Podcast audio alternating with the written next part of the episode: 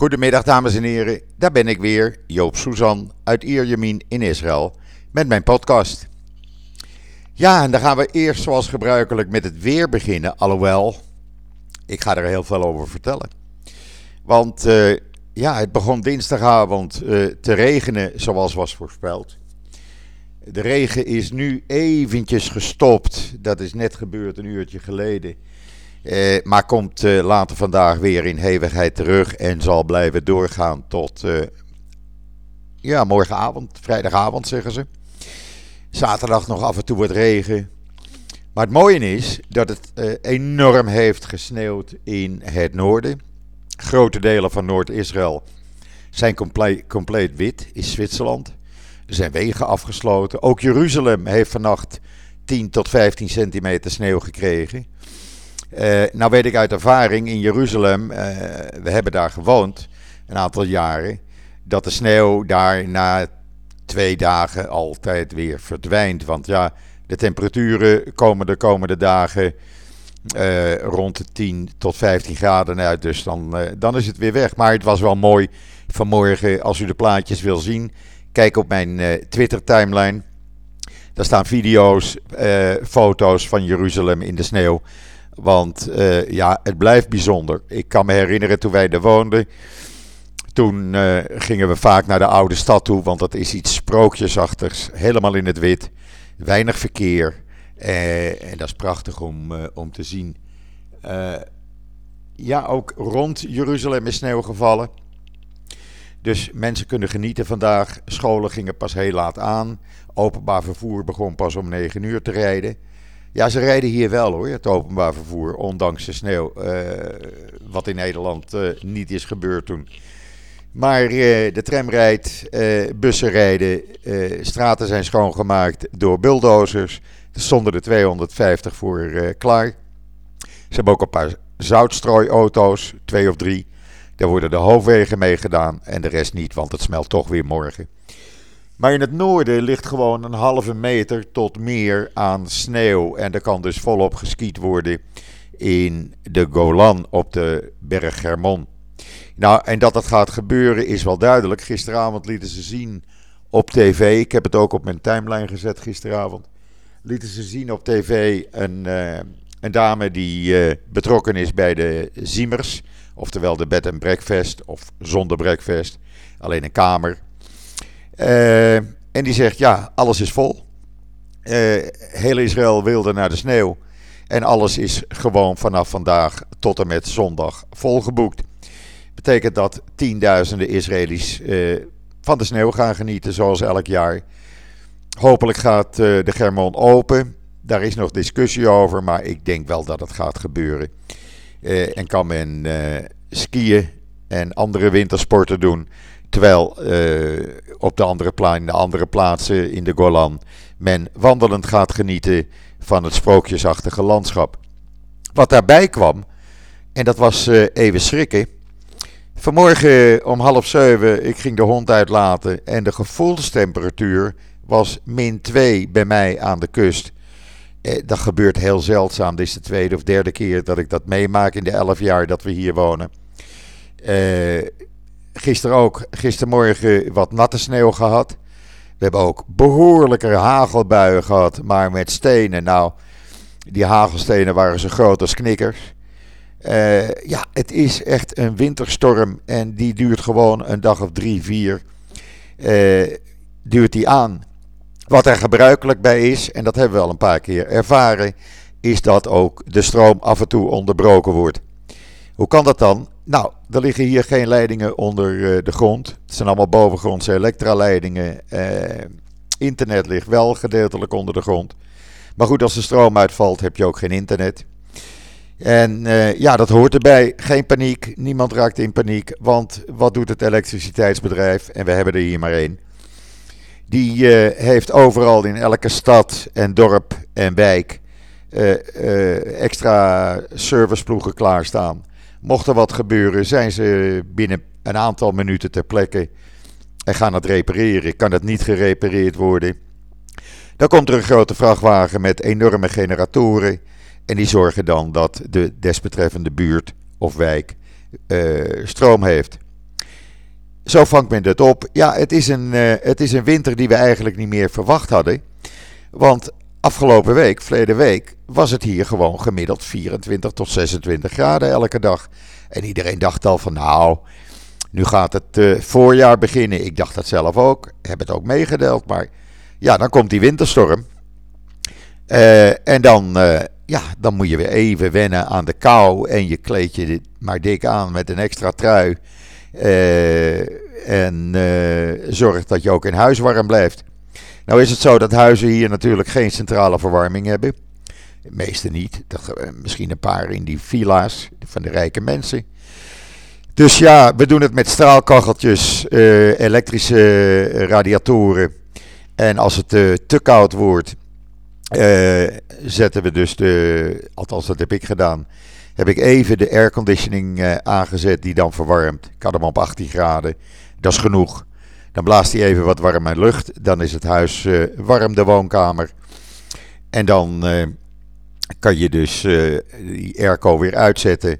En de rest blijft warm door mijn elektrische radiator, radiator. En zo doe je dat dus. Ja, het is wat anders als in Nederland. En je moet daar maar aan wennen. Maar niemand klaagt. Iedereen heeft zoiets van: ach, die regen. Laat het dan 36 uur achter elkaar regenen. Laat het 48 uur achter elkaar regenen. we weten dat het voorjaar eraan komt. Dit zijn de laatste loodjes. En ja, daar komt een eind aan. Volgende week krijgen we nog een paar dagen met wat regen, maar de temperaturen gaan eh, volgende week ook richting 20 graden.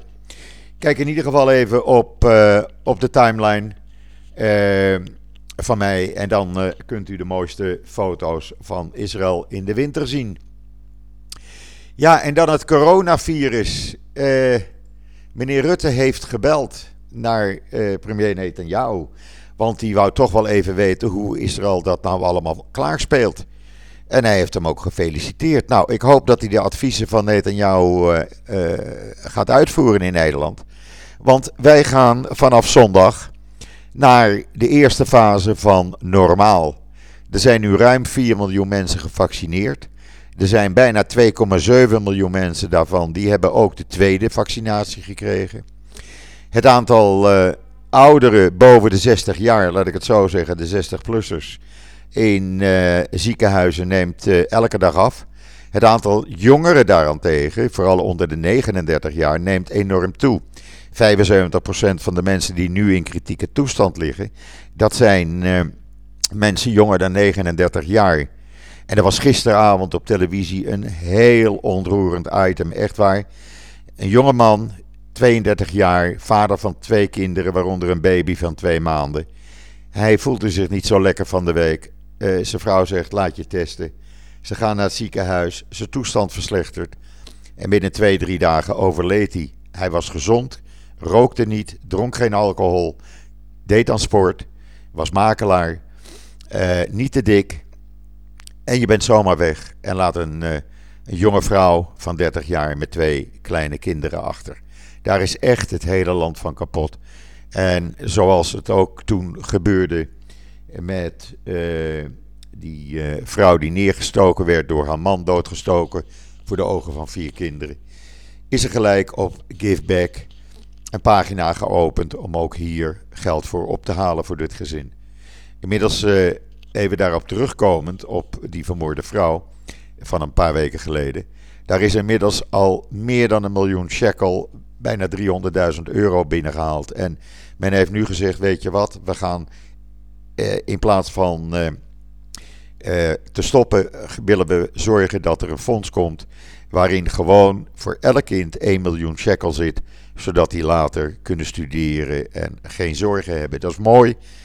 Eh, ga naar giveback.il. Daar kunt u het zien als u geld zou willen overmaken. Ja, en dan even over, eh, over het virus dus. Wij gaan hier zondag de eerste fase van normaal in. Wat betekent dat? Dat eh, de meeste schoolklassen in groene en gele steden open gaan, weer naar school gaan. Ook vijf, eh, nu zijn eh, de klassen 1 tot en met 4. Maar ook de overige klassen gaan dus. In oranje steden, waar minimaal 70% van de inwoners is gevaccineerd, Daar gaan ook de scholen open. Zonder groen paspoort, oftewel zonder het bewijs wat iedereen die twee keer gevaccineerd is in zijn smartphone heeft, uh, mag je naar winkelcentra, markten, straatwinkels, musea, bibliotheken. Die gaan allemaal open. Uh, je mag binnen nog tot maximaal 10 mensen hebben dan. En buiten tot maximaal 20. Maar voor mensen die uh, twee keer gevaccineerd hebben, dat kunnen aantonen. Er zit ook een. Het wordt ook gescand. Er gaan ook sportscholen open. Sportstudio's, culturele en sportevenementen kunnen we bijwonen. We kunnen naar handelsbeurzen of andere beurzen gaan. je mag naar hotels die gaan open. En je mag naar zwembaden toe. Mensen die geen groen paspoort hebben, kunnen daar niet naartoe. En dan uh, de derde fase, die komt zoals het er nu uitziet op uh, twee weken later op 7 maart, ook op zondag. dan mogen kleine cafeetjes en kleine restaurants open voor mensen die niet kunnen aantonen gevaccineerd te zijn. Maar voor iedereen die gevaccineerd is, die kan naar een restaurant. Hotels gaan terug naar volledige activiteit. Evenementenhallen gaan open. Attracties, conferenties. Uh, je mag dan met 20 mensen binnen zitten en 50 uh, eh, in een groep buiten. Behalve voor steden waar de besmettingen nog hoog zijn. En dan voor Purim, want dat is volgende week, volgende week vrijdag en op zondag in Jeruzalem. Daar, ja, dat wordt beperkt. Er komen geen Purim-optochten. Vergelijk Purim trouwens met uh, carnaval. Dus er komen geen Purim-optochten. Je mag binnen met 10 mensen en buiten met 20 in synagoges. Uh, maaltijden mag je wel doen met je familie, maar zonder gasten. Wat wel is toegestaan, is dat voertuigen die met muziek komen door de straten, die mogen gewoon door de straten rijden. Maar voor de rest, alle feesten, alle optochten, alle massa-evenementen zijn verboden. Zelfs het graf van Rabbi Shimon Bar Yochai, wat dan normaal altijd een, een trekplek, een trekpleister is, wordt gesloten. Uh, ja, het zijn, uh, het zijn beperkingen. Kijk, eh, ook al gaan we hier eh, weer terug naar eh, een soort van normaal. Er blijft natuurlijk altijd een beperking voor iedereen. Want de verplichting blijft dat je dus buiten op straat een mondkapje moet blijven dragen. Eh, niet alleen op straat, zodra je buiten huis gaat, moet je een mondkapje dragen. Ik ben net nog even naar de supermarkt geweest. Nou, je draagt je mondkapje. Je temperatuur wordt gemeten. Er staat of een machine of er zit iemand aan de ingang. En uh, dan kan je de, de supermarkt in. En zo gaat dat ook bij bedrijven. Er is nu zelfs een wet op komst waarbij de minister van Volksgezondheid zegt: ja, uh, wij willen zorgen dat zoveel mogelijk mensen zich laten inenten. Er is nog een kleine groep die dat principieel weigert. Even een slokje water. Daar zullen beperkingen voor gaan gelden. Hij wil ja, een, een soort lichte dwang uitoefenen eh, om zoveel mogelijk mensen te laten inenten. Het doel is dat er medio maart 5 miljoen, eh, 5,3 miljoen mensen zijn ingeënt. Eh, dat is dan 60, 65 procent van de bevolking. Omdat kinderen onder de 16 jaar niet kunnen worden ingeënt voorlopig. Dus die, uh, die blijven altijd besmettelijk. Het valt ook op dat er steeds meer kinderen dus het virus bij zich dragen en anderen besmet maken en ook veel kinderen in ziekenhuizen liggen. Uh, er is van de week zelfs, en dat is heel uniek, een ongeboren baby, een foetus, overleden aan het coronavirus. De moeder had coronavirus en lagen in het ziekenhuis en de baby uh, overleed. En dat is heel zeldzaam. Het is voor het eerst in Israël voorgekomen. Maar uh, ja, het gebeurt helaas. En daarom al die gekkies met hun complottheorieën. Ik heb er mijn buik even van vol. Uh, we blokken ze op uh, social media. Want opeens blijkt dat er uh, in Nederland tienduizenden virologen zijn afgestudeerd. Die allemaal weten hoe het precies zit. die met allerlei fantasieverhalen komen. die niet in het virus geloven. Nou, we hebben er even onze buik vol van. En hoe graag ik iedereen op social media laat zien wat er gebeurt in Israël. Voor deze mensen dan maar even niet. Want ik ben dat een beetje zat. Mensen die betwijfelen of de Israëlische regering wel de juiste cijfers geeft. Die zeggen van nee, de regering draait jullie een rat voor ogen. Want die liegen waar het gedrukt staat. Nou, we hebben er even zat van. Uh, genoeg van. Hier wordt elke dag openlijk aangegeven wat het aantal percentage uh, nieuwe virusbesmettingen is dagelijks. Hoeveel mensen er ernstig ziek zijn, kritieke toestand zijn. Hoeveel mensen er overlijden. En daar wordt geen geheim van gemaakt. ja, en er wordt nog steeds onderzoek gedaan door Israëlische experts. En men heeft nou ontdekt dat uit onderzoeken, klinische onderzoeken, blijkt dat in real time uh, mensen die geïnfecteerd zijn met het virus, maar ingeënt zijn tegen het virus, ongeacht of dat nou één of twee doses is, maar zelfs bij één dosis zijn ze, is het al duidelijk dat het Pfizer-vaccin werkt. En dat het dus genoeg antilichamen uh, produceert om uh, het virus aan te pakken. Uh, men heeft een groep die gevaccineerd was één keer vergeleken met een groep die nog niet was gevaccineerd. En dat leverde dus genoeg bewijs op dat er een immuunrespons is. Het artikel kunt u lezen op uh, JoodsNL. En dan ook op JoodsNL, dat was plotseling afgelopen week een uh, driedaagse oefening van de Israëlische luchtmacht. Uh, een verrassingsoefening. Men ging een oefening simuleren waarbij een, een, Israëlisch vliegtuig door Hezbollah was neergeschoten. en men oefende in aanvallen, schijnaanvallen dus, op ongeveer 3000 Hezbollah-doelen per dag. Er werden, zelfs honderden reservisten plotseling voor opgeroepen. Die lieten huis en haard en werk achter en zijn mee gaan doen aan deze oefening, die zeer succesvol verliep. Uh, meneer Nasrallah vond dat helemaal niet fijn, want uh, die begon meteen te dreigen. Uh, met, ja, als jullie ons gaan aanvallen, nou wij zijn er klaar voor. Wij hebben al die honderdduizenden raketten klaarstaan en we zullen jullie laten weten hoe wij reageren. Nou, hij doet maar, hij gaat zijn gang maar. En dan is er in Israël, in Tel Aviv, een Grand Slam judo-toernooi begonnen. Er zijn ruim 600 deelnemers en begeleiders bij samengekomen.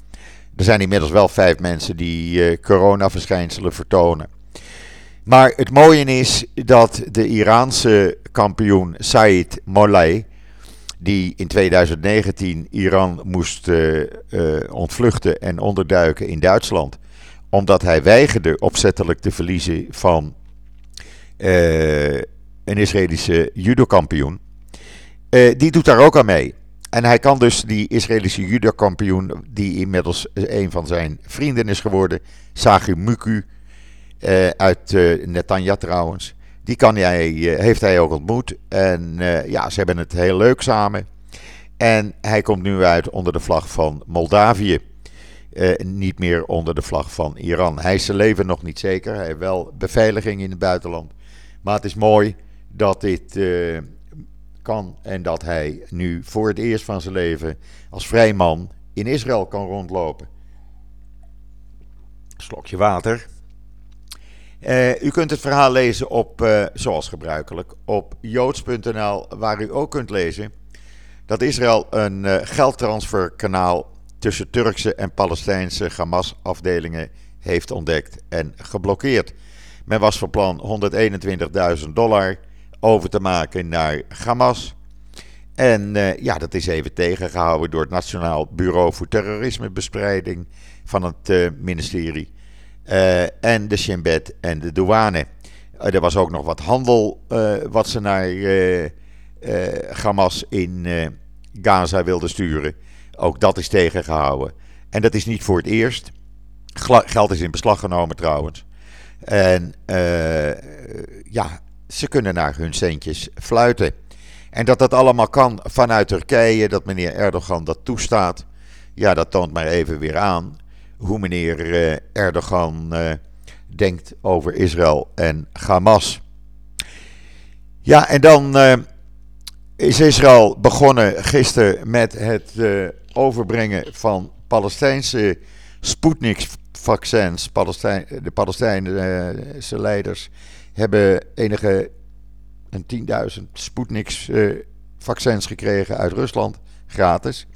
En er zijn er een aantal duizenden naar Gaza overgebracht. Ikzelf, eh, en ik sta er niet alleen eh, in, ja, had eigenlijk gedacht dat de Israëlische regering zou zeggen: Nou, weet je wat? We hebben nu een uitstekend drukmiddel. Komen jullie nou maar eens eerst met die twee lichamen van Israëlische soldaten over de brug. En laten jullie die twee Israëlische geestelijk gehandicapte uh, Ethiopiërs nou eens een keer los. Voordat wij uh, deze overdracht zullen toestaan van vaccins. Maar nee, men heeft dat toch uh, laten overbrengen naar Gaza. Ik vind dat jammer, want het was een uitstekend drukmiddel geweest. Ondertussen is Israël ook begonnen met het inenten van Palestijnse arbeiders in Israël. U weet, er werken dagelijks zo'n 130.000 Palestijnse arbeiders in Israël. En ja, wil je het virus in bedwang houden, dan moet je zorgen dat ook die mensen worden ingeënt. En dat gebeurt dan ook nu. Uh, de eerste honderden zijn de afgelopen dagen ingeënt. En dagelijks gaat dat door. Men probeert ook zoveel mogelijk dat die Palestijnse arbeiders in Israël blijven voor een maand. Dan uh, loop je al minder risico dat deze mensen ook besmet weer terugkomen uit uh, de Palestijnse gebieden naar Israël om te werken. Uh, ja, nou werd er de afgelopen dagen natuurlijk niet gewerkt, want zoals men in Nederland vorstverlet kent, is het hier, noem het maar regenverlet. Want door die enorme regenbuien, ja, ligt de bouw stil. En ik denk ook niet dat die deze week nog hervat gaat worden. Het is nu bij mij eventjes, uh, komt het zonnetje erdoor op dit moment, as we speak. Ik heb net uh, heerlijk met de hond even een half uurtje kunnen lopen voor het eerst in twee dagen weer. En ja, we wachten dus af op het volgende front. Ik zie het al boven zee aankomen. En dan gaat het weer regenen aan één stuk door tot vrijdagavond. En ik moet u zeggen, het was zelfs zo hevig, de wind is zuidwest. Mijn balkon staat op het noordwesten.